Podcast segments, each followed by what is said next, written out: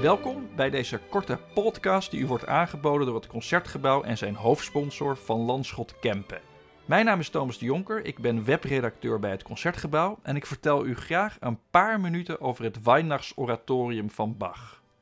Of eigenlijk over de sopraanaria Flust mein Heiland uit het vierde deel van het Weihnachtsoratorium. Of eigenlijk nog wat meer precies, ik vertel u graag over één speciaal effect, het echo-effect in deze aria. Daar is namelijk iets opvallends over te vertellen. Iets opvallends over te vertellen. Maar eerst even wat over het echo-effect in klassieke muziek.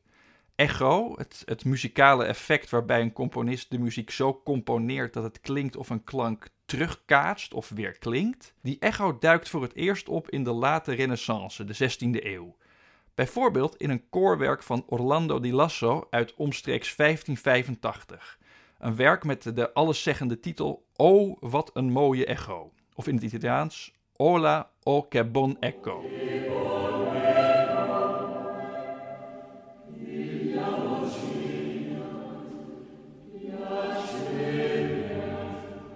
Hierna, en dan zijn we in de barok, in de 17e eeuw, begint het echo-effect aan een gestage opmars. Het wordt op een gegeven moment bijna een barok cliché. Vooral operacomponisten lusten er wel pap van. Bijvoorbeeld Monteverdi in deze aria uit de opera L'Orfeo, waarin de hoofdpersoon diep treurt over het gemis van zijn geliefde en de echo treurt met hem mee.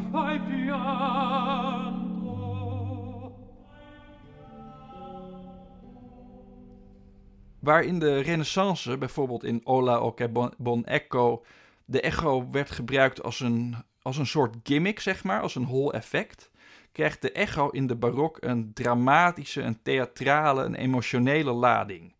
Bijvoorbeeld in Monteverdi's aria die u net hoorde, wordt het verdriet van Orfeo door het gebruik van de echo geaccentueerd, versterkt. Extra dramatiek. Ander voorbeeld uit de barok hiervan is de koorpassage in Our Deep Vaulted Cell uit een opera van Purcell, waar de echo ervoor zorgt dat de bezongen cel daadwerkelijk tot klinken komt. Let op, want de echo is vrij zacht.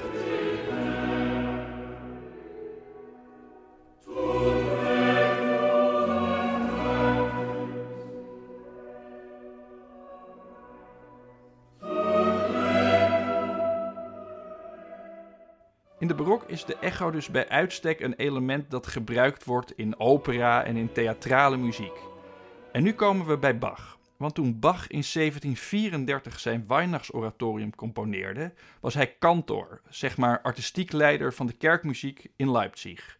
Hij was daar in dienst van het kerkelijk bestuur en bij een dienstverband hoort een contract. En in dat contract staat iets opvallends. Namelijk, in zijn functie was Bach ertoe verplicht om, quote, composities te schrijven die niet theatraal waren.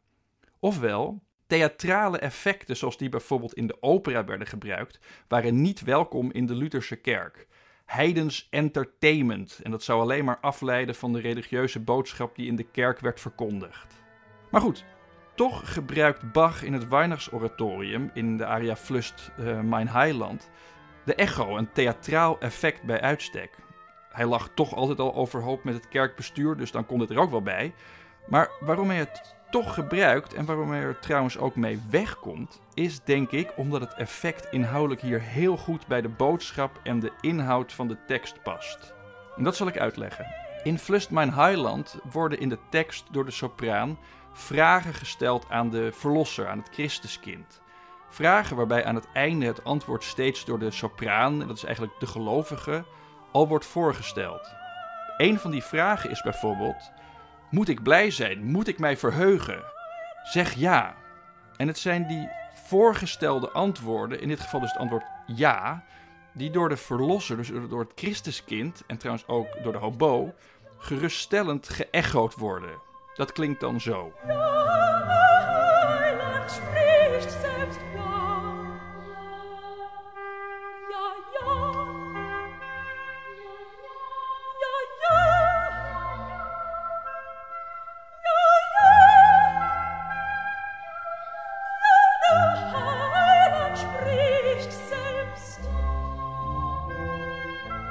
Boodschap en muzikale inhoud gaan hier dus perfect samen. En Bach kwam er dus ook niet mee in de problemen.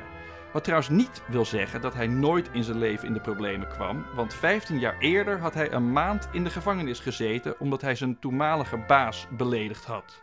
Zo, dan weet u dat ook weer. Mede namens het concertgebouw en van Landschot Kempen wens ik u een prachtig concert.